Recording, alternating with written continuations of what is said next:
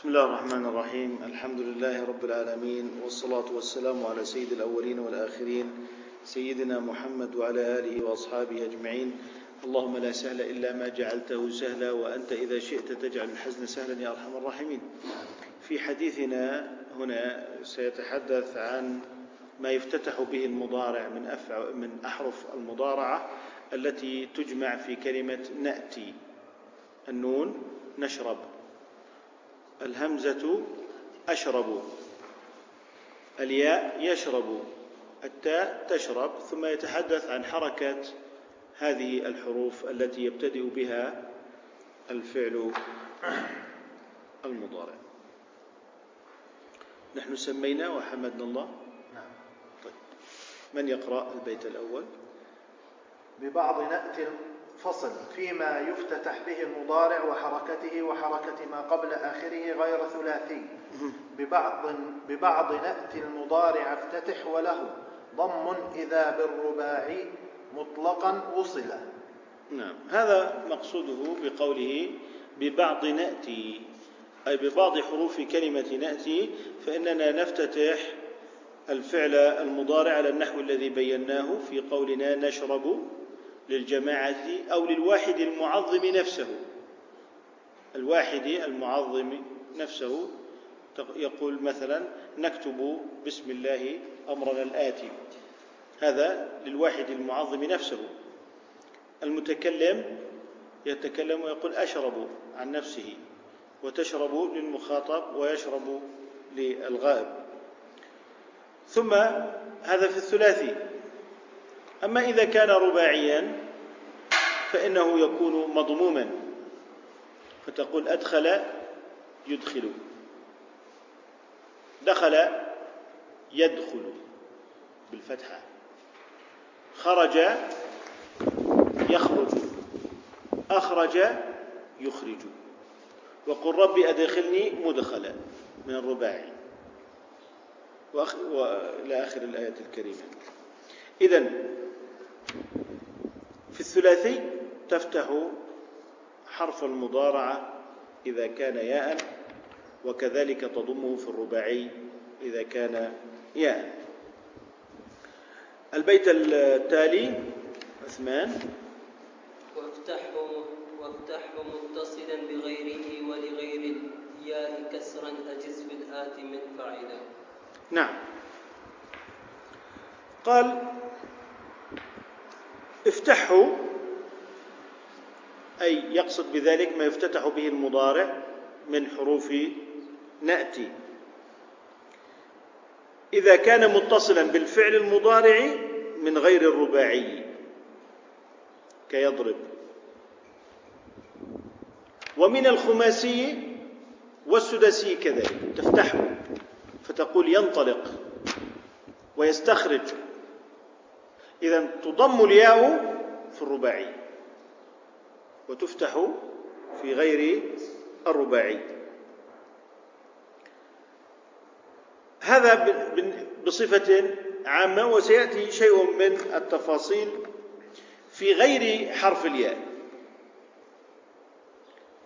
في غير حرف الياء كالنون والهمزة والتاء أجاز بعض العرب أن تكسر. في حالة إذا كان الفعل مكسور العين في الماضي. إذا كان مكسور العين في الماضي. كقوله تعالى في قراءة ولا تركنوا. لكن لا أدري هل هي قراءة تركنوا؟ تركنوا. قراءة شاذة إذن. قراءة شاذة. لأن الماضي ركن. فكسر حرف المضارعة في المضارع تنبيها إلى حركة العين في الماضي. فقال ولا تركنوا. إذن هذا في غير الياء. هذا في غير الياء. وكذلك في قوله ألم إعهد إليكم. نحن نعلم أن القراءة الشاذة يحتج بها في اللغة. نعم. يحتج بها في اللغة ولا تجوز القراءة بها في الصلاة. وهي مبطلة للصلاة لكنها حجة في اللغة. فهنا أجاز أن تكسر أو أن يكسر حرف المضارعة الهمزة تنبيها إلى حركة العين في الماضي وهي عهد. إذا متفق على ضم الياء في المضارع الرباعي. وكذلك على فتح حرف المضارعة من واوي الفاء كوقف. فنقول نقف. لا نقول نقف. لا نقول ذلك. إذا إذا كان حرف المضارعة ياء في المضارع في المضارع الرباعي فإن عينه مضمومة اتفاقا. أما من الثلاثي فإن حرف المضارعة يفتح اتفاقا إذا كان واوي الفاء كوقف. واضح؟ إذا وهذا التنبيه على كسر حرف المضارعة إنما جاء للتنبيه على كسره في الماضي. ولكن وجدت حالات شاذة كقولهم يئبى من الفعل أبى. يئبى لأنها مفتوحة العين في الماضي أبيا ولكنها جاءت مكسورة هذا على الشذوذ. وكذلك ييجل من وجل. ييجل. فهي واوية. فهي واويات الفاء. ولكنها جاءت الياء هنا مكسورة وسيأتي إن شاء الله تعالى مزيد من التوضيح لذلك. البيت التالي.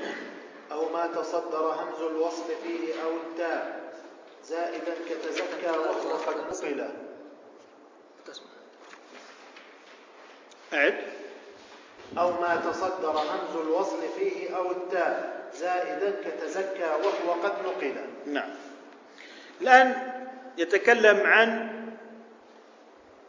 مضارع الخماسي والسداسي وهو ما يتصدر فيه همز الوصل.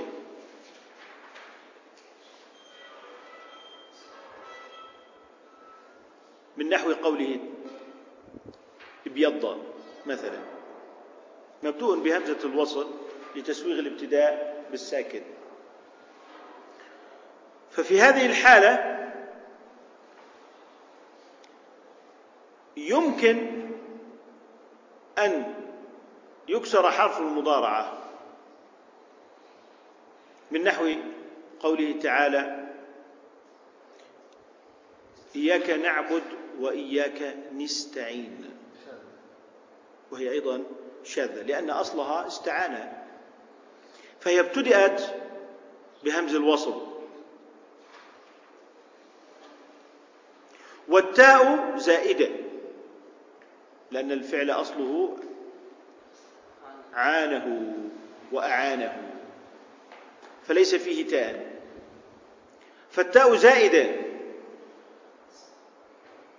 لذلك يمكن أن يكسر حرف المضارعة في هذه الحالة وهو منقول. وعندما قال وهو قد نقل يعني الكسر قد نقل. ومنه أيضا قوله تعالى يوم في القراءة الشاذة يوم تبيض تبيض وجوه. يعني منقول نعم. نعم. النقل إما على نحن أمام حالين في الحركات أو فيما نحن بصدد الحديث فيه. نحن إما على شيء مقيس على القياس وإما على شيء مسموع على خلاف القياس. فعندما قال هنا تبيض منقول نقل لنا ذلك لكنه ليس قياسيا. هذا في الغالب لكننا لم نستقرئها جميعا ونقول إن هذا مضطرد. لكن في الغالب يقول نقل غالبا أن تكون لما هو على خلاف القياس أو لما هو على السماع مما هو على خلاف القياس. وذلك أيضا كالمثال الذي ضربه تزكى. تزكى أصلها زكوى أصلها زكى ولا تاء فيها هنا لك أن تقول أنا أتزكى. وأنا إتزكى.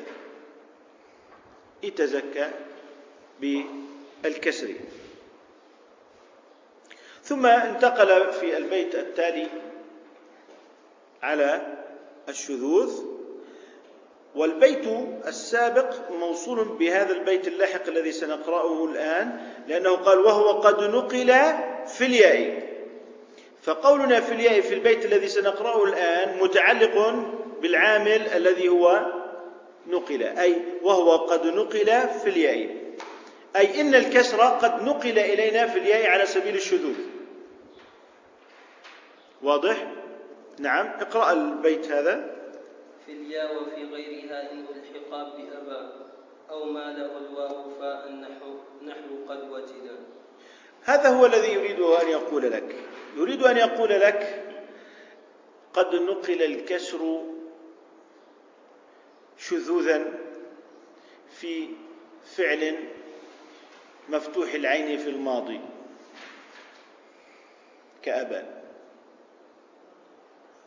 وكذلك فاؤه واو كوجل. فاؤه واو كوجل. فت- فيقول هنا أن الكسر في هذه الحالة شاذ. لأنه جمع شذوذين. وشاذ شذوذا كبيرا. الأول أنه من فعل مفتوح العين. هذا هو الشذوذ الأول. الشذوذ الثاني أنه في ال- في الياء. أنه في الياء نفسها. لأننا قلنا حتى في الثلاثي إن الياء مفتوحة إنما يجري الكسر في غير الياء مثل النون والتاء واضح والهمزة. لكنه جاء هنا شاذا من وجهين. الأول أنه في الياء جاء شذوذ وفي الفعل على وزن فعل مفتوح العين في الماضي. فيقول إنه في هذه الحالة يكون ملحقا بآباء الذي التي نجوز فيها هو ييب بدل يأبى وكذلك أنا إيب أي أأبى وكذلك أنت تيب أي تأبى ونحن نيب أي نأبى يرحمكم الله. إذا الشذوذ حاصل هنا.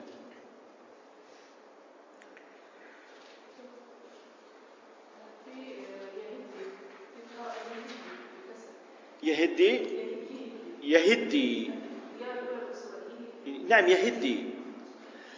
يهدي. لا نحن نقول في قراءة هو الكسر. نعم لا نحن نقول على قراءة يهدي أو يهدي. الإشكال لماذا كسرت الياء هنا مع أنها ساكنة في الأصل؟ هدى يهتدي أليس كذلك؟ أنت تسألين عن ياء المضارعة وكسر ياء المضارعة. أليس كذلك؟ وهو موضوعنا هنا. أنك تقول يهدي وأيضا القراءة يهدي. يهدي بالكسر. السؤال إنه هي هنا أصلها يهتدي أو يهتدي. ما الذي حدث؟ الذي حدث سكنت التاء وأدغمت في الدال. فالتقى ساكنان.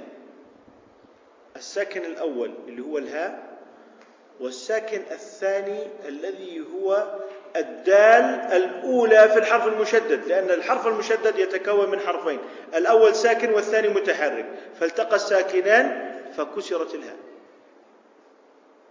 فكسرت الهاء فصارت يهدي أو يهدي على قراءته.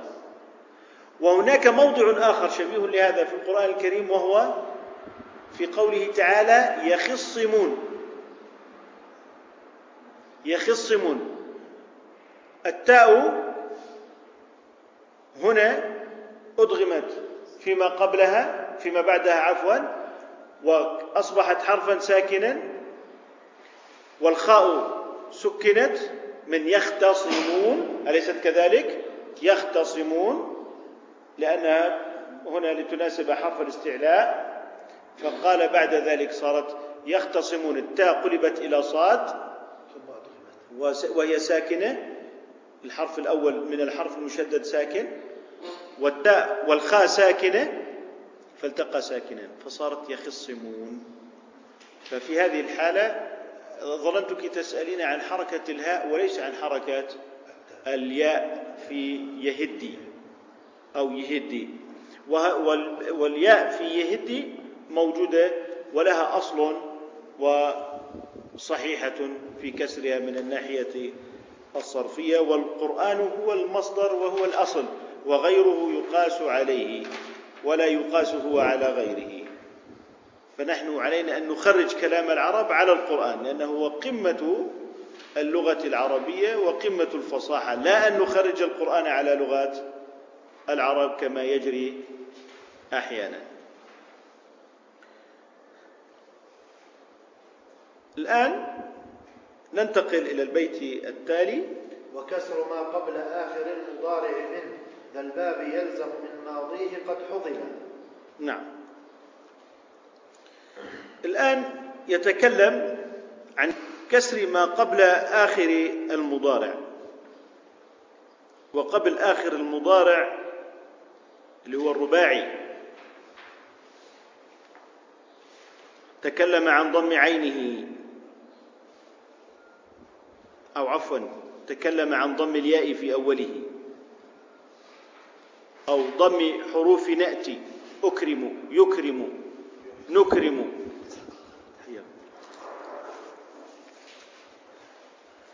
فالآن يقول إن الرباعية يكسر ما قبل آخره. هذا قوله وكسر ما قبل آخر المضارع من ذا الباب. أي المزيد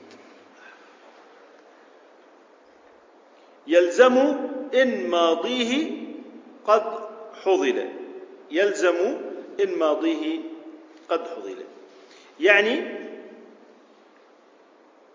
هنا يتكلم عن المضارع الذي يصاغ عليكم السلام ورحمة الله الذي يصاغ من الرباعي المزيد نحو يكرم كسرنا ما قبل الآخر.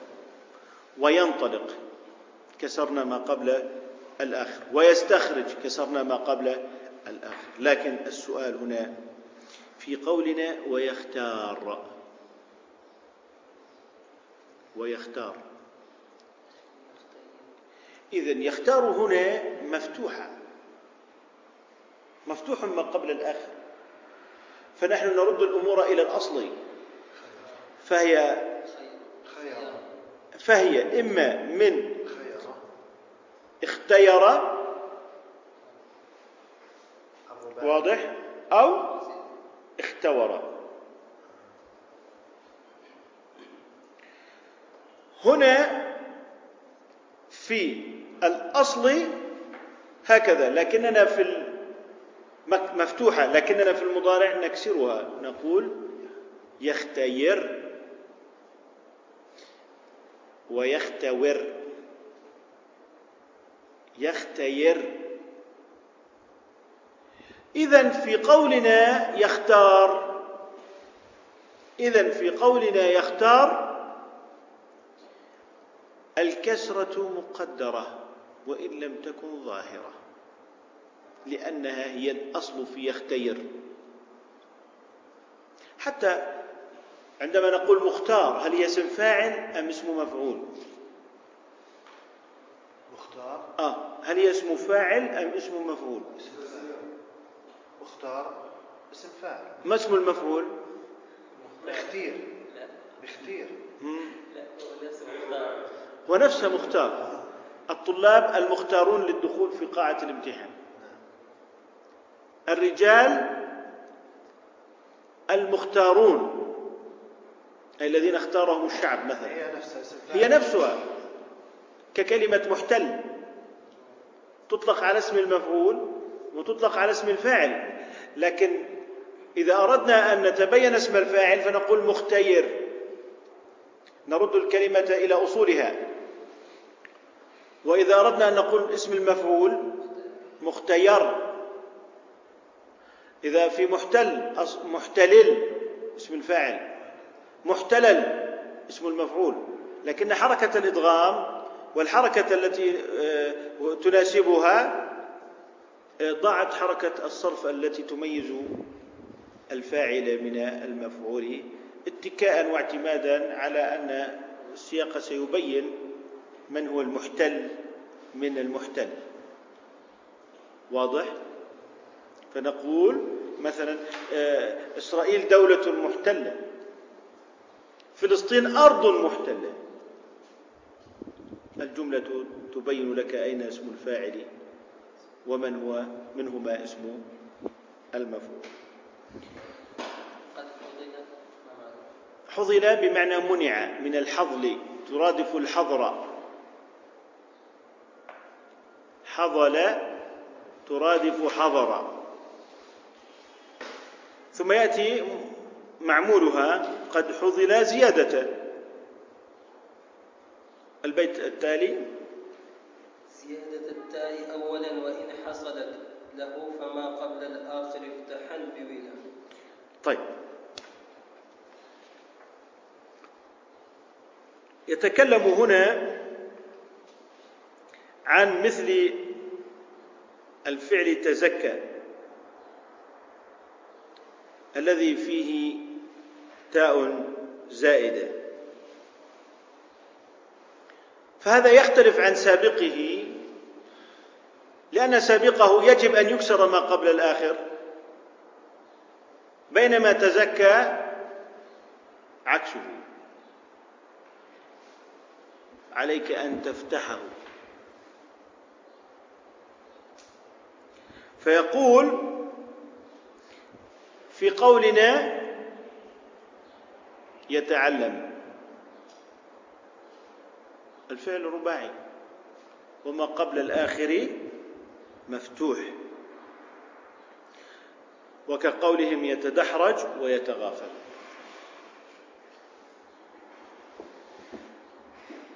فما كان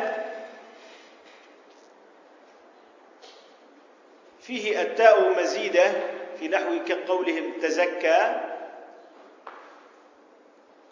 فإنك تفتح ما قبل الآخر وكذلك الحال تدحرج يتدحرج. وتعلم يتعلم. إذا ليس كل رباعي مزيد تكسر ما قبل الآخر في صيغة المضارع. أكرم يكرم. لكن إن كان مزيدا بالتاء أوله كتدحرج وتزكى وتعلم فإنك تفتح مواليا للفتحات وراء بعضها. هذا معنى قوله افتحن بولا أي فتحا متواليا. افتحن بولا أي فتحا متواليا. ثم انتقل للحديث عن الفعل المبني للمجهول. وهو ما لم يسمى فاعله. فصل فيما لم يسمى فاعله. إن تسند الفعل للمفعول فأت به مضموم الأول واكسره إذا اتصل. إذا يريد أن يقول لك هنا إن بناءك الفعل للمجهول لابد أن تضم أوله وقوله إذا اتصل هنا متعلقة بالبيت التالي بعين اعتل سنقرأه أنه حالة مختلفة معنى أنك إذا أردت أن تبني الفعل لما يسمى لم يسمى فاعله تضم الأول. ضرب الرجل لا نعرف الضارب. سرق المتاع لا نعرف من السارق أو نعرفه. ولكننا لا نريد أن نتكلم باسمه كسر الزجاج. أحيانا للعلم به كقولنا خلقت الأرض. ومن لا يعلم من خلقها إلا جاهل أو ينكره من هؤلاء الجاهلين. إذا هنا في إسنادك الفعل لما لم يسمى فاعله عليك أن تضم الأول ولكن إذا كان معتل العين فاكسره وهو ما سيتكلم عنه في الباب الآتي. تفضل. بعين اعتل واجعل قبل الآخر في المضي كسرا وفتحا في سواه تلا. إذا كان الفعل معتل العين أي إن عينه حرف علة. كقولنا قال. وباع. فعندئذ تقول قيل. إذا طويلة. نعم. قراءة عشرية. طويلة. هذه إشمام آه، الإشمام آه سنأتي إلى الحالين. حالة الإشمام هو هو الأصل الضم والإشمام تبع. هناك ثلاثة حالات. آه. ستأتينا بالتفصيل إن شاء الله. الكسر والضم والإشمام. وربما يعني طبعا أمثلة الإشمام في القرآن يتحفنا بها الشيخ خالد إن شاء الله. فإذا كان الفعل معتل العين كفعل قيل كفعل وبيع فإنه يكون مكسورا لأنه معتل العين. وهذا القول بالكسر هو أشهر الثلاثة. ثم الإشمام. ثم الإشمام. إذا نقول نعم. سيلة.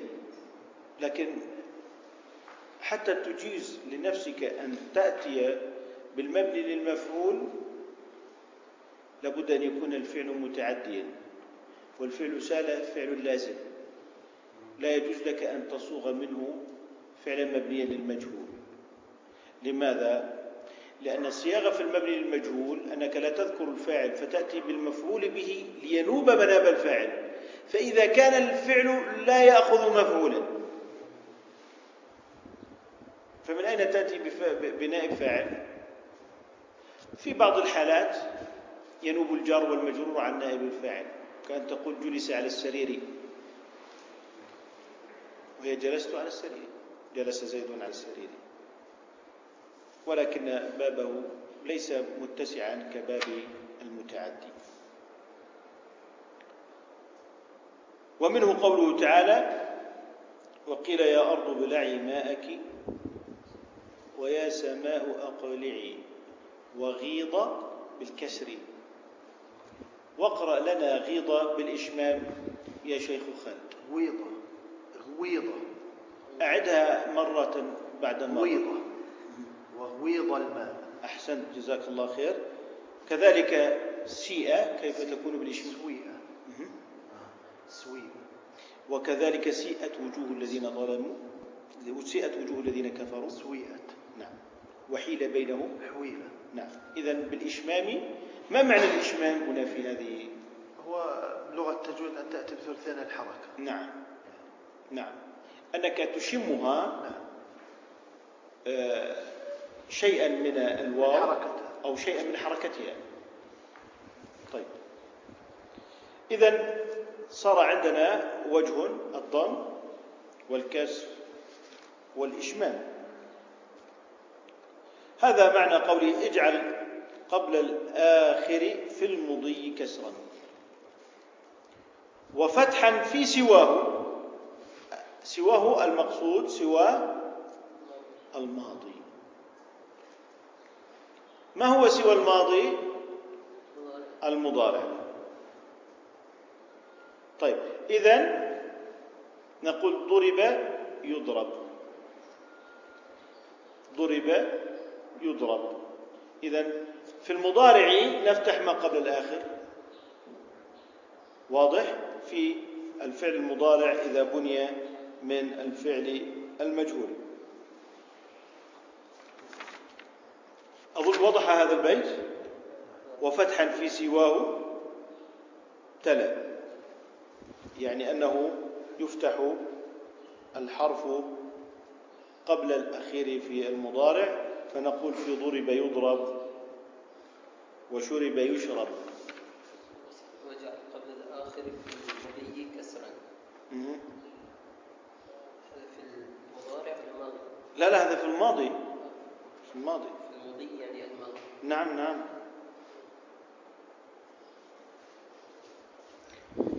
يعني يعني في الماضي تقول ضرب. الراء مكسورة التي هي قبل الآخر. وهذا معنى قصده في المضي. أما المضارع فتفتح فتقول يضرب. يضرب. بيع. بيع. وإذا في المضارع تقول يبي يبيع. ها؟ يبيع في المبني للمعلوم. يبيع في المبني للمعلوم. أما إذا قلنا في المبني للمجهول تقول يبيع. فلما هنا ناسبت هنا بصير عندنا إعلان. تبدل الياء المفتوحة بالألف فتصير يباع. يباع. إذا الألف هنا ليست حرفا أصليا إنما هي منقلبة عن الياء المفتوحة. يباع. إذا أردت أن تبنيها لل- للمعلوم تقول يبيع وتصبح يبيع. إذا أردت أن تبنيها لل- للمجهول تقول يبيع ويناسبها بعد ذلك الألف فتقول يباع.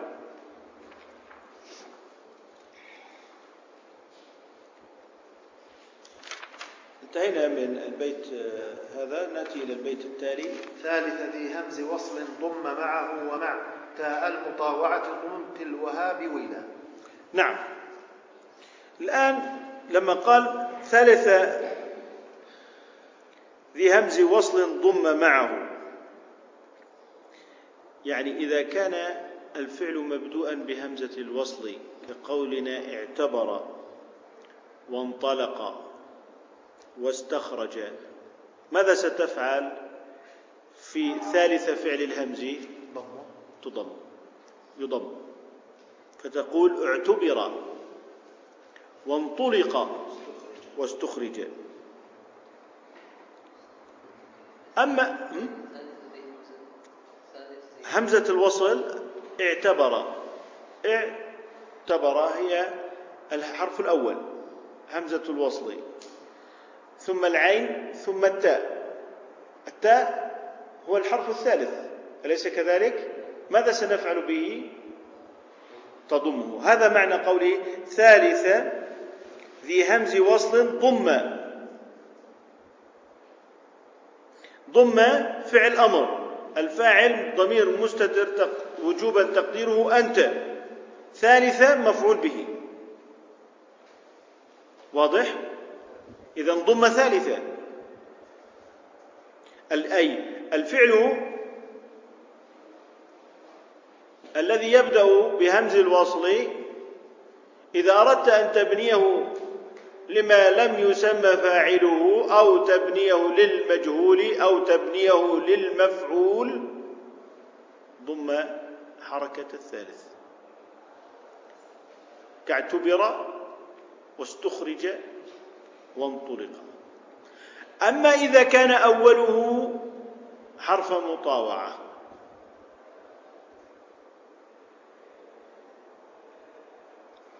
عندئذ تقول في تعلم تعلم. تأتي إلى الحرف الذي بعد حرف المطاوعة الذي هو التاء. ثم تضم ذلك الحرف. وهذا معنى قوله ومع تاء المطاوعة اضمم. تلوها. تلوها أي بعدها أي بعد حرف تاء المطاوعة. وهذا يقع أيضا فيما يشبه المطاوعة كقولهم تدارك وتغافل وتباله تباله أي تظاهر بالبله فتقول في تدارك تدورك. وفي تغافل تغوفل. فأعطينا الآن التاء مضمومة أعطيناها للحركة أعطينا هذه الحركة للحرف الذي بعد التاء. وفي تبالها تبولها تبولها. لأنها تدارك وتبالها وتغافل تشبه المطاوعة. تشبه المطاوعة. البيت التالي. وما لفا نحو باع لثالث نحو اختار وانقاد اختار وانقاد. نحو اختار وانقاد كاختير الذي فضل. كاختير الذي فضل. يتكلم هنا عن الفعل الذي هو على وزن افتعل. نعم أو انفعل. كقولنا اختار وانقاد وضرب المثالين في البيت نفسه. اختار افتعل. وانقاد انفعل. يقول إنما جعلناه لفا باع من الكسر ومن الضم كقولهم ليت شبابا بوعا فاشتريت ليت شبابا بوعا. وقلنا فيها أيضا بيع. اذا باع في بنائها للماضي وجهان في الفاء وجه بالكسر بيع ووجه بالضم بوعا والوجه الثالث الذي ذكرناه وهو الإشمال. فبيع تكون مثلها اختير وانقيد. اختير وانقيد. وبوعى يكون مثلها اختور. وانقود وطبعا إحنا ذكرنا الإشمام في سيئة وغيرها وضربنا على ذلك الأمثلة. إذا نعطي ما أعطيناه لفباع من الضم والكسر لثالث الفعل في نحو افتعل وانفعل. ثالث الفعل في اختار هو حرف التاء فقلنا اختيرا ونقول أيضا اختور. وكذلك الحال في انقاد. وانقود. هذا معنى قوله كاختير الذي فضل تمثيل على حالة الكسر ويمكن أن يمثل لحالة الضم باختور الذي فضل. وكذلك يجوز الإشمام.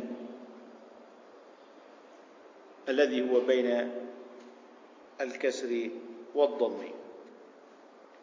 وضح ذلك؟ وضحى وضح ووضح. أظن أن كليهما جائز. اتضح. مزيد. اتضح. نعم صحيح. يريد لا يغني عن المجرد أم يوافقه؟ إذا يوافقه. لأنه لو كان ليس مغنيا إذا جيد. هذا جيد. أحيانا بعضهم يلحق بالأفعال التي خففت مثل علم علم بسكون اللام التي هي ليست آه، حركة قياسية إنما هي من أجل التخفيف وكذلك رد فيجعلون لها ما لفباع من حيث الكسر. فنقول هناك ردت وبما أن الفاء في باع أيضا تكسر كبيعة كذلك رد. ولو ردوا ولو ردوا لعادوا لما نهوا عنه. إذا هنا جعل للرأي هنا ما لفابعة من حيث استحقاقها للكسر. أظن هذا اكتفينا بهذا. نأتي إلى فعل الأمر. فصل في فعل الأمر. من من من أفعل الأمر أفعل وعزه لسواه كالمضارع ذي الجزم الذي اختزل هنا يتكلم عن اقتطاع الأمر.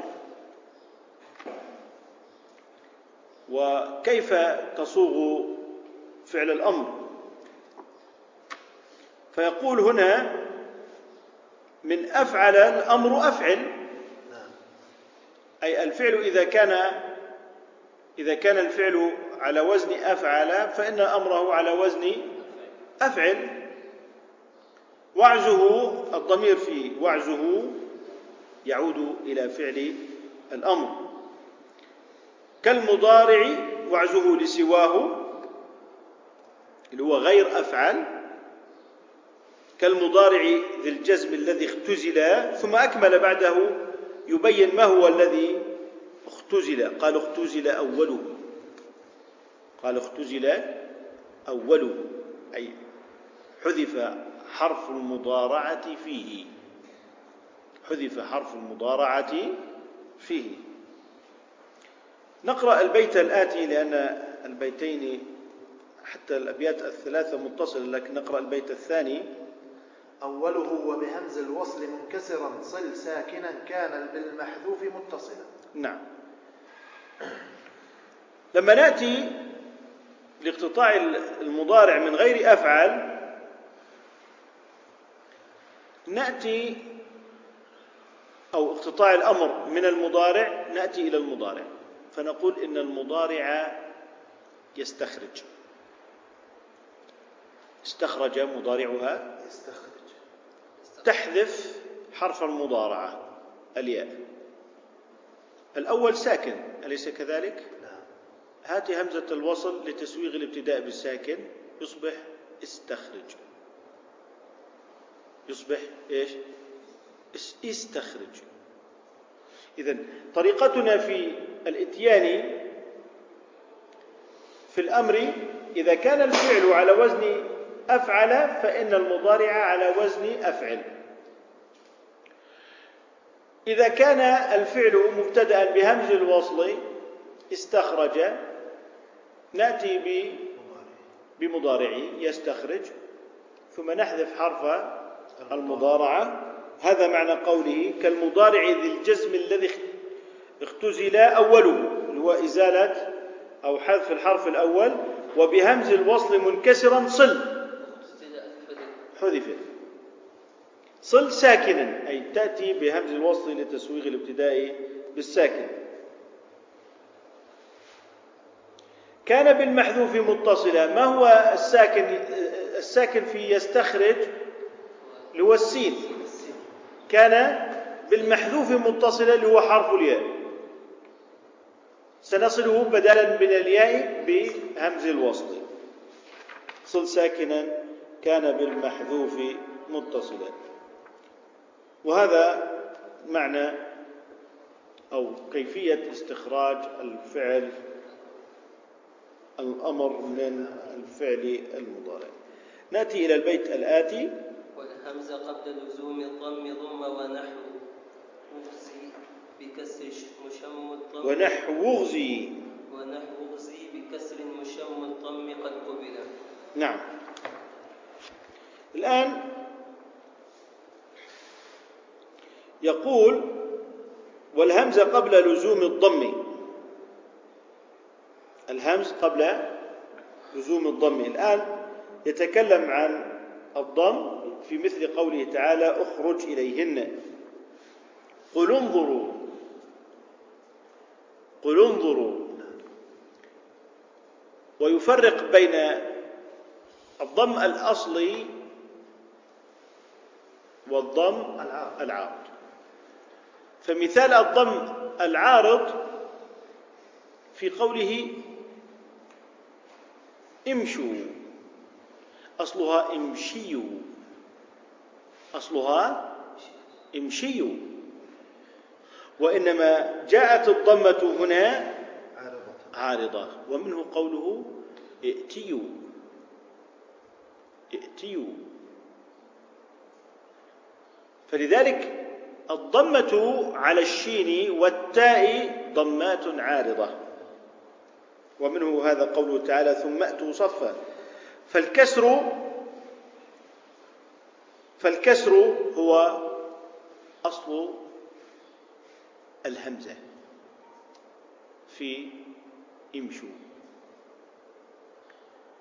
وأن الضمة عليه ضمة عارضة والضمة التي عليه ضمة عارضة. ثم يتكلم أن هذه ال- ال- الحركة التي هي لهمز الوصل الموافقة لحركة الثالث الأصلية. الموافقة لحركة الثالث الأصلية. كذلك يقول هنا أنها يمكن أن يشم الضم فيها. في قوله امشوا أو قل انظروا قل انظروا همزتها قل انظروا أو امشوا ثم أتوا صفا فهنا يقول في هذه الحالة إن الهمزة أو يمكن أن تشم الضم بكسرة. ليس الحديث عن الهمزة إنما الشم الإشمام عن الضمة. أن تشم الضمة كسرة لا أدري إذا كان في القراءة هذا. إيتوني في. إيتوني. ابتداء تقدر. إي- ائتوني لا إيتوني. إيتوني. نعم. لكن إشمامها بالضمة بدك تبلش مثلا ما اعلمش لا. طيب في كلها على وزن قيل وغيضة وسيل نعم يعني في الامشوا يكون بالإشمام يمشيوا إذا كان يعني ذلك لأن نحن لا ندري إذا كانت هذه قراءة الإشمام فيها بين الضمة والكسرة لا أعلم إذا كان هذا هل هو قراءة متواترة ثابتة ابتداء. لما بدك تبتدئ في إيتو مثلا إيتو صفة كيف بدك؟ لا نتكلم عن امشوا مثلا امشوا هنا الضمة عارضة نعم والأصل الكسرة نعم. هل يمكن أن تشم الضمة كسرة؟ لا. لا يمكن لا. هذا في القراءة لكن يبدو هنا الكلام في ناحية صرفية فقط بحتة. لا علاقة لها بالقراءة وإن كان هناك قراءة فهي قراءة شاذة. مثل هو إغزي أغزو مثلا. فأغزوي ممكن يكون فيها إشمام بالضم. وهو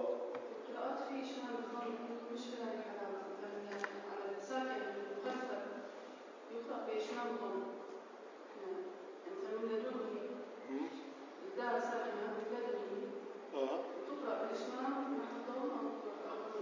الحالة التي نتحدث هنا مختلفة في يأمركم كمان هذول كلهم بصير فيهم آه.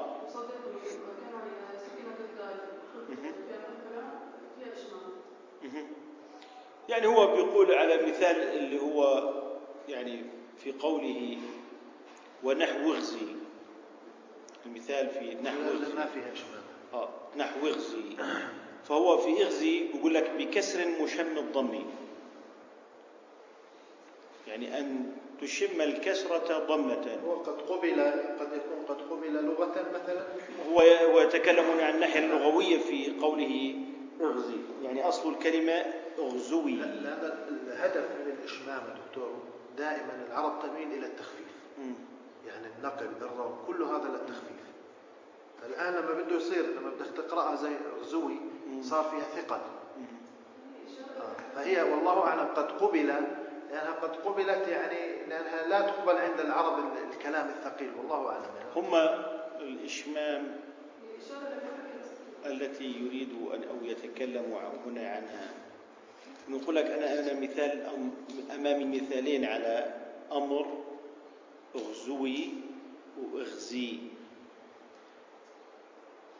هذه قراءة للكلمة وتلك قراءة أخرى. قراءة الإشمام أن تجمع بين الكسرة والضم.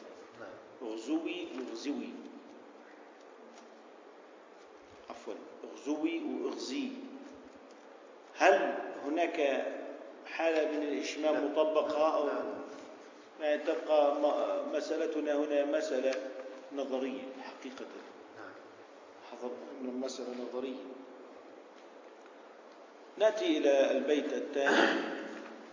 وشذ بالحذف خذ وكل ومر وفشى وأمر ومستندر تميم خذ وكل و- وكل. خذ وكل. وكل. تتميم. خذ وكل. تتميم وليس تميم. لا ممكن نعيد البيت. وشذ بالحذف خذ وكل ومر وفشى وأمر ومستندر ومستندر تتميم خذ وكل. يتكلم هنا عن بعض الأفعال التي شذت عن القاعدة التي ذكرناها من حيث إنك تأتي بالمضارع ثم تحذف حرف المضارعة. فمما يشذ في ذلك اللي هو بالحذف حذفنا جزءا من الفعل. فإذا قلنا أخذ فإن المضارع يأخذ. أليس ذلك؟ كذلك. احذف حرف المضارعة. الهمزة ساكنة. فكان يقط... كانت القاعدة تقتضي أن نأتي بهمز الوصل وتصير أخذ ولكنه حذفها فصارت خذ. هذا قصده وشذ بالحذف خذ. ومثل أخذ أكل. فتقول يأكل المضارع احذف حرف المضارعة. الهمزة ساكنة تأتي بالألف أو الهمزة الوصل فتصبح أؤكل ولكنه حذف فقال كل. وكذلك الحال في قولهم مر. يأمر. يأمر. فتحذف حرف المضارعة تبقى الهمزة ساكنة تأتي بهمز الوصل لتسويغ الابتداء بالساكن فصارت أؤمر فحذفها فصار عندنا خذ وكل ومر خذ وكل ومر. ثم قال وفشى وأمر. وفشى وأمر يعني إنه هنا مش قال؟ ومر. هذه على الحذف. وأيضا لها وجه آخر وهو وأمر. اذا في عندنا مر وعندنا وأمر. واضح؟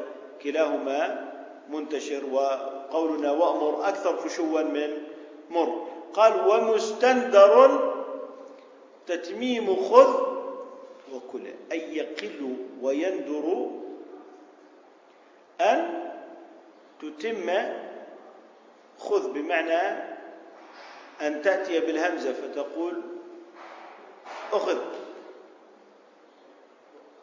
أو كما يقول بعض الناس على سبيل المثال أكل. يعني لازم تقول أكل. واضح؟ إذا هذا مستندر وهو قليل وإن كانت هذه اللهجة موجود اللهجات موجودة. مثال مثلا وأمر أهلك بالصلاة. قد تممت. كل حذفت. مر حذفت. خذ حذفت. وأحيانا يستندر تتميم خذ وكل فتقول أخذ وأكل على القاعدة. أظن أننا نقف أمام باب جديد. سبحانك اللهم وبحمدك نشهد أن لا إله إلا أنت نستغفرك ونتوب إليك.